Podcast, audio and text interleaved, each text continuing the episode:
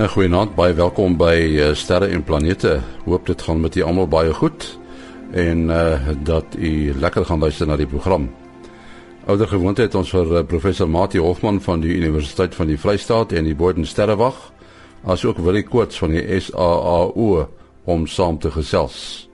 Maar voordat eers ruimte nuus. 'n Private vuurpyl het sy spiere vroeër die week gebult tydens 'n kardinale voorlanseringstoets om die volgende vragsending wat vandag plaasvind na die internasionale ruimtestasie te neem. Die Falcon 9 vuurpyl het sy motore tydens 'n statiese toets aangeskakel. Ruimteingenieurs het tydens die toets kontroles uitgeoefen wat gepaard gaan met die aftelling. Al 9 motore het vir 2 sekondes lank volle krag bereik. Ingenieurs het die afgelope dae hard gewerk aan die data wat verkry is vir vandag se lansering. Wetenskaplikes meen dat hoewel Mars in sy verre, natter, warmer verlede meer bewoonbaar was, die rooi planeet selfs nou in staat mag wees om mikrobiese lewe te huisves. Navorsing wat deurlopend gedoen word in Antarktika en die Atacama woestyn in Chili, toon dat mikrobes in baie koue, droë toestande kan bly leef. Nie alle dele van die planeet is noodwendig droog nie. Bewyse is besig om na vore te kom dat daar seisoonaal vloeibare water op sommige plekke op Mars mag wees. Dit het dan die potensiaal om lewe soos ons dit ken te huisves. Tot sover ruimtenis. Ons gesels met Kobus Olkers van die Suid-Afrikaanse Nasionale Ruimteagentskap op Bermanus en ons gaan met hom praat oor die gedrag van die son. Uh die son uh, was die laaste rukkie nogal taamlik stil. Jy het gesê dit is eintlik maar uh, tipies as jy mens uh, met 'n son maksimum te doen het, is ek reg? Ja, absoluut en dit is ehm um, ek het nou reg so so lesings gegee vir die mense. Mense is almal onder die indruk dat as ons sonvlek maksimum het, uh, dan is dit sonaktiwiteit maksimum, maar dit is nie noodwendig die geval nie. Ehm um, die aktiwiteit kom gaan eers oor 'n jaar of 2 piek. Ehm um, so alhoewel ons op die oomblike redelike klomp aktiewe areas of of sonvlekke op die son het. Ehm um, is die is die aktiwiteit self nie nie te vreeslik bewonders nie. Wat op die oomblik aan die gang is is die daar's twee of drie aktiewe areas op die son wat wat redelik uh kom ons maar sê onaktief is wat wat nie daar's nie veel van 'n kans vir uitbarstings op hulle nie. Maar wat ons wel het is ehm um, 'n paar korona gate en dit is ons ou vriende van son minimum. Uh die meeste luisteraars sal onthou ons vreeslik baie oor hulle gesels uh gedurende die tydperk hier 2006 rond toe toe son minimum was toe was korona gate die groot ding geweest. En ons het nou selfs 'n paar van hulle wat op die son is, daar's een byna by in die suidpool van die son wat op die oomblik uh so klein komponent in die aarde se rigting instuur. En dan het ons nog twee dinneriggies wat besig is om in te roteer en wat so teen die einde van die naweek se koers behoort uh, mense wat kortgolf luisterwerk doen en langafstand kommunikasie teen boord uh, verswakking in hulle dienste te uh, te begin agterkom daaroor. Ja, ons sê baie dankie aan Kobus Olkers van die Suid-Afrikaanse Nasionale Ruimteagentskap op Hermanus. Ja, ons het weer vir uh, Willie Koorts en professor Mati Hofman hier uh, by die mikrofoon om te gesels oor sterre en planete. Nou ons het nogal 'n bedrywige, sal ek maar sê, 3 weke gehad met die uh die meteoor en dan natuurlik die asteroïde wat uh verby die aarde gekaats het. Uh wil jy die uh die meteoor uh, ek sien daar was in 'n sekere sin uh onsekerheid. Is dit nou 'n meteoor of 'n klein asteroïde? Wat sê jy is dit? Uh ja, ek het nou nogal jy's 'n bietjie opgelees om te kyk na die verskillende definisies. Nou interessant genoeg die definisie van 'n van 'n asteroïde. Nou ons ken nou asteroïde in die asteroïde gordel, hoofsaaklik daar tussen die bane van Mars en Jupiter. En en uh dit is eintlik iets wat nooit baie goed gedefinieer is nie. En toe toe kom ek af af op op 'n tweede liggaam wat sê 'n asteroïde en 'n asteroïde uh, lyk vir my is daar nou iets wat nie 'n 'n ast 'n uh, asteroïde is nie, maar wat nou kleiner is en en en die perk het ook al ges, gesak met die jare. Uh, want eers kon hulle net iets tot op 50 meter vind uh, met die tegnologie van die aarde af en toe dit afgekom na 10 meter toe en uh, en deesdae kan hulle liggame so klein as 1 meter kan hulle waarneem. So die definisie van die asteroïdes het het ook al ook alweer 'n bietjie geskuif. Nou onder die asteroïdes kan jy dan nou 'n 'n meteoor of wat ons nou in sommer in ou Afrikaans sê 'n verskietende ster wat natuurlik nou ook 'n 'n verkeerde benaming is want dis 'n sterval is ons ernstig in die moeilikheid want ons aarde ag ons son is natuurlik 'n gemiddelde sterretjie maar dis natuurlik soos wat dit in die lug lyk as jy opkyk in die nag. Uh um en dan en dan uh so so nou het hulle uiteindelik uitgevind dat uh, die ding wat oor Rusland geval het is so 17 meter in deursnee en um en hy hy val nou uit die aard van die saak binne die definisie. Uh, Hy's groter as 10 meter en definitief groter as 1 meter. So die asteroïde is is dan seker uiteindelik 'n asteroïde gewees of eintlik 'n stukkie daarvan uh wat wat uiteindelik oor oor Rusland geval het. Maar uiteindelik Mati, dit bly al twee klippe of dit nou 'n meteoor of 'n asteroïde is. Die een is net baie kleiner, né? Nee? Uh ja, en uh, mens moet dalk ook gaan kyk na uh dieselfde ding op verskillende tye. Weet uh as hy nou daardie uh streep maak die die die rook in die lugstreep uh dan verwys mens daarna 'n meteoor uh of selfs uh as dit baie helder is uh, uh myne net die spelling van 'n uh, boluid ek het gesien hulle verwys daarna ook in die geval van hierdie uh een in uh, in Rusland as 'n boluid en dan nou die die ding wat op die aarde val word dan nou 'n meteoriet. Maar dis dan 'n klip maar die die klippe kan mos nou ook verskillende soorte wees. Jy kry die uh uh die metaal uh, meteoriete en dan kry jy nou uh, weer die die die steenmeteoriete uh met hulle subklassifikasies en so meer. Maar dit is nou voor, voor ware ongelooflike dag gewees daar uh uh die die Vrydag toe die asteroïde wat uh, uh ek sien op uh, Willie se e-pos wat hy vir ons gestuur het 20 by 40 meter is dit is dit dis nou die asteroïde wat nie met die aarde gebots het nie en die een wat dan nou ge gebots het en grootliks uitgebrand in die atmosfeer as 15 meter. So is nie veel kleiner nie. Uh en die energie daarmee was uh, skrikwekkend. Ek en daardie video's wat ons uh, mense kan wat dit nog nie gesien het, jy kan gerus bietjie op die internet gaan kyk. Ongelooflik baie video's wat wys oor 'n paar honderd kilometer uh, tot dink 200 300 kilometer hoe geweldig gewit flits dit gemaak het en dit sommer lig gemaak het terwyl dit nog op baie plekke uh, vroeg oggend donkerte was. En ons praat van die ekwivalent van uh, 'n hele paar atoombomme, 20, 30 atoombomme in geval van die van die Rusland uh, meteoor. Ja, wat interessant is, hulle het nou daardie ander ene die uh, 2012 DA14 is dit sy naam. Hulle kon hom voorspel, hulle het hom gesien voor die tyd, maar hierdie ene het by die agterdeur ingesluip, nee, Willie. Uh, ja nee, dis dis korrek en en dit is interessant. Hulle het nogal 'n beroep gedoen vir juis omdat dit uh, so geweldige skade kon kon aanrig. Ek meen ons praat hier so van iets soos 3000 geboue in in iets soos uh, ses stede uh, wat beskadig is 1500 mense wat uh, uh, beseer is hoofsaaklik deur die vleiende glas. Ehm uh, en en uh, basies uh, mense wat 'n beroep gedoen het om om te kyk of om nog stelsels in plek te stel wat wat kleiner en en kleiner liggame kan kan waarneem. Ehm um, ek moet ook miskien net uh, byvoeg uh die die eerste wat die mense gedink het is die twee het met mekaar te doen alhoewel hulle net 15 ure uit mekaar uit is. Uh, maar dit is daarom 'n uh, uh, mooi bewys dat dit dit niks met mekaar te doen nie. Die een die wentelbane was heel verkeerd en heel verskillend. So die een het uit die noorde uitgekom en die ander een uit die suide uit. En uh um, so die, ja so daar's eintlik geen verband nie. Dit is net dit is net uh, toevallig geweest dat die twee uh insidente so naby mekaar plaasgevind het ek net so 'n bietjie goeie nuus daar. Jy uh, uh, sê nou ons kon dalk die een wel die een het ons ge, uh, gesien voor die tyd en die ander een het ons.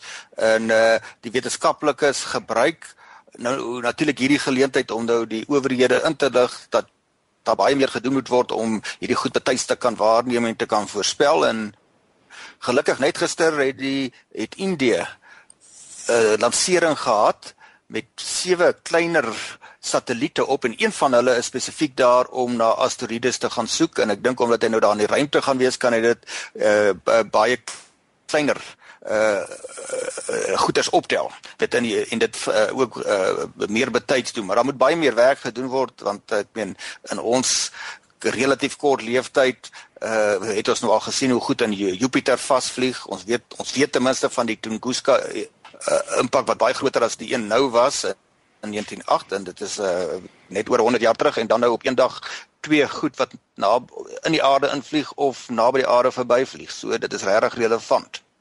Mati, wat is die verskil tussen sterrekunde en kosmologie?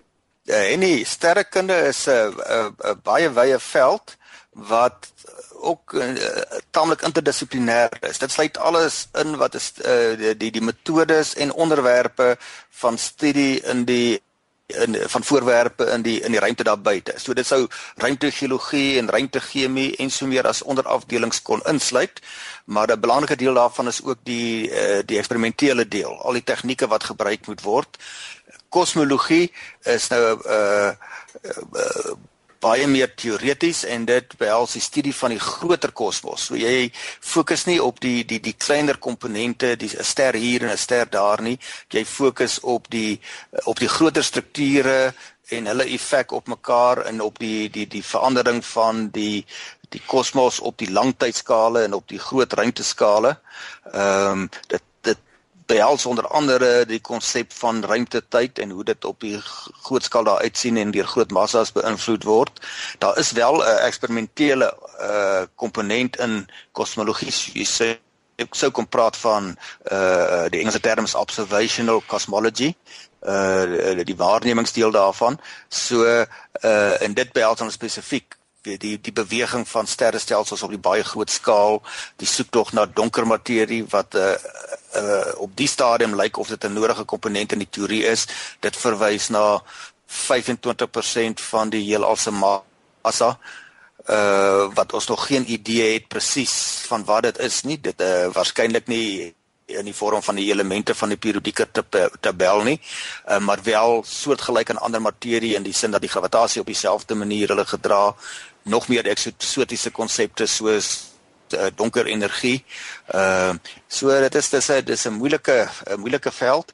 Uh die sterrekunde is baie wyer as dit en dit sal die kosmologie as 'n onderafdeling insluit. Die die ander punt is uh jy weet maar ons wil nie te diep daarop ingaan nie want dit maak jou kop heeltemal plat. hulle hulle praat van 'n plat heelal. Ek weet nie wat hulle daarmee bedoel nie, Mati. Dit op die volgende betrekking het dat dit dit hang af hoeveel massa daar in die heelal is. Op die stadium weet ons dat die heelal uitdui en die vraag is of hy weet uiteindelik weer gaan inplof op homself of hy gaan omdraai. Uh, as uh, dat die uitdaaiing weer gaan in in trirad kom. In daai ja. Uh, en dit staan ook saam met die volgende uh is buig die heelal op homself terug. Met ander woorde as jy 'n ligstraal sou stuur, stuur in 'n sekere rigting. En ons weet 'n ligstraal volg die uh die buiging van die ruimte gaan hy na baie baie baie baie lank tyd biljoene jare weer terugkom waar hy begin het. Dit sou in 'n uh, nie in 'n plat heelal nie, maar in 'n gebuigde ruimte heelal die geval wees. Ons weet dat lokaal buig ruimte rondom ehm um, uh groot massa konsentrasies, maar op die groter uh, skaal lyk dit of die heelal dalk uh oop bly nie genoeg massa het om uiteindelik terug te buig op homself sodat 'n ligstraal weer sal kan terugkom waar hy begin het sonder om om te draai nie. Hy gaan net reguit vorentoe. Die analogie is as jy nou 'n tweedimensionele wese op die oppervlak van 'n ballon was en jy en jy beweeg, kan jy uiteindelik as jy nou mooi op 'n groot sirkel beweeg, kan jy weer uitkom waar waar jy begin het en jy sal dit glad nie vers, kan verstaan nie want jy kan net in twee dimensies dink. So die die analoog is dat drie dimensies sou in 'n wiskundige gesien in 'n vierde dimensie kon terugbuig sodat al beweeg jy in 'n sekere rigting dat jy weer kan terugkom. Daar sê ja. stel dit is 'n mens se kop 'n bietjie plat om dit te verstaan. ja. ja, ek het, ek ek moet sê ek het nogal daai selfde ding opgetel nou met ons laaste uh simposium van die sterkundige vereniging van Suid-Afrika het het Dr Bruce Bassett 'n uh, baie interessante praatjie gelewer oor kosmologie so in die algemeen en en uh dit is dit is op YouTube beskikbaar. So as 'n mens uh Bruce Bassett cosmology uh uh sê maar is uh die uh, ISSR symposium iets intik, gaan jy definitief daarop afkom en die sy presiese woorde was iets soos the earth is round but the universe is flat and we don't know why.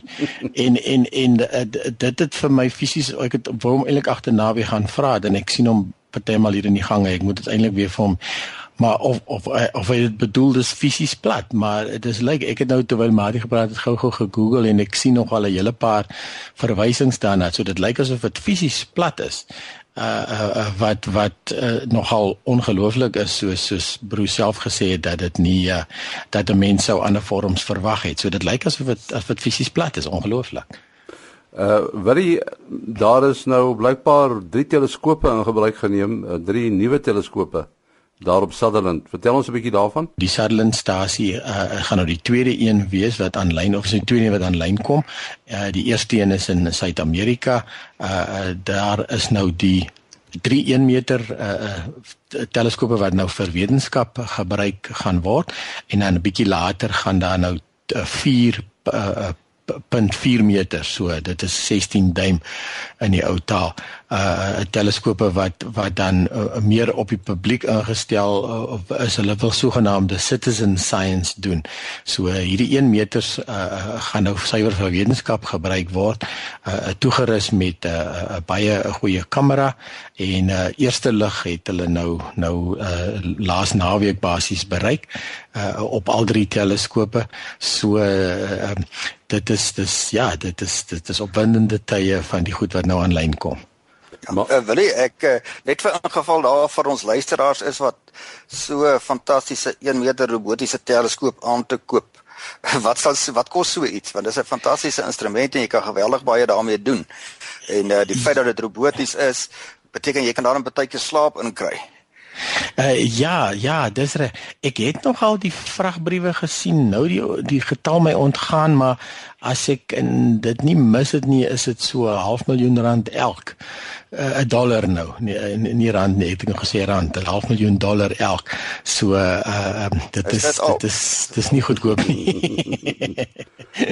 Martie van van uh, nuwe goed en so aangepraat, uh daar was 'n uh, uh, koerantberig, uh, een van die plaaslike koerante in Bloemfontein wat berig het oor julle planetarium wat julle oprig. Ek weet nie is daar nuwe dinge wat daar gebeur het sedert ons laas gepraat het? Uh, ek weet die die die die planetarium koepel is klaar vervaardig in Amerika en die konstruksiewerk binne in die planetarium gebou vorder uh, uh, baie goed goed wat op die stadium uh, hulle nog mee besig is is die die betonvloer uh, dit is so 'n bietjie anders as die konvensionele planetariums. Die die laaste kom sy 10 jaar het die mode bietjie verander weens die in uh, die feit dat hulle al meer digitale tegnologie begin gebruik het om uh of as alternatief vir die fantastiese uh optomeganiese projektors of ter aanvulling daarvan uh het mens nou 'n uh, vloer met 'n helling. In ons geval is dit ongeveer 15 grade. uh dit skep vir jou 'n ervaring wat baie meer wat jou baie meer deel van die beeld maak sodat jy dit in 3D kan ervaar. So daardie betonvloer is nou klaar en nou gaan hulle uh begin met die met die ondersteunende stelsels van uh ligreëlings baie belangrik vir so 'n stelsel uh, nie net vir die gerief van die uh van die uh, besoekers nie, maar ook vir die uh, vir al die elektronika wat daar is wat by sekere uh omstandighede wat temperatuur en humiditeit betref uh, moet wees. Ehm um, Uh, so baie aspekte daarvan is maar 'n tipiese uh, uh, bouprojek. Uh, die projeksiesisteem sal ons nou eers uh, oor enkele maande ontvang. Uh dit word ook uh noem maar daar in Amerika aan mekaar gesit. Ons hoop iewers in die toekoms sal ons baie meer van die goed self in Suid-Afrika kan maak. Ehm um, ons het nou die twee planetariums in Suid-Afrika, maar hulle het ook die koepels ingevoer want dit is 'n hoë presisie koepel wat jy daarom so tot op millimeter vlak akkuraat wil hê en dit is 'n groot struktuur Maar kom ons sê die die die die projek vorder goed en uh uh in die tweede helfte van die jaar behoort die publiek dit te kan be, kan besoek. Ehm um, maar hulle sal wel in die media seker hier oor die program ook daarvan kennis neem. Ek dink dit sal die moeite werd wees vir mense om self te reis, ver te reis, want dit gaan die enigste planetarium suid van uh die Sahara in Afrika wees wat oor die digitale tegnologie beskik. Uh dit beteken ons kan alle dissiplines aanspreek, nie die sterke nie, maar vir al die sterke. Jy's kan regtig op 'n uh, dit voel soos 'n 3D reis wat jy deur die heelal kan onderneem van die makrovlak tot die tot die mikrovlak. Nou sien ongelukkig moet ons uh, afsluit. Wil jy jou besonderhede? Ja, mense kan bel of SMS of WhatsApp 0724579208. 0724579208. Mati? Uh 083 6257154. 083 6257154 en uh en ja, danksy Willis inisiatief kommunikeer ons nogal met 'n hele paar luisteraars ook al op die sterre en planete uh uh, uh blad. Ja. Uh, so daar's nog al 'n paar ouens wat wat uh, heel wat inligting ook vir ons gee. Dis nie altyd ons wat vir hulle iets interessants vertel nie. Hulle vertel baie keer vir ons ook iets interessants. Ja, daar sê dit is op Facebook. Gaan kyk na RSG sterre en planete. Dis 'n oop groep so jy hoef nie 'n 'n kode te hê om uh, by die groep aan te sluit nie. My uh, e-posadres is maas.henny@gmail.com. maas.henny@gmail.com. Tot die volgende keer. Mooi dag.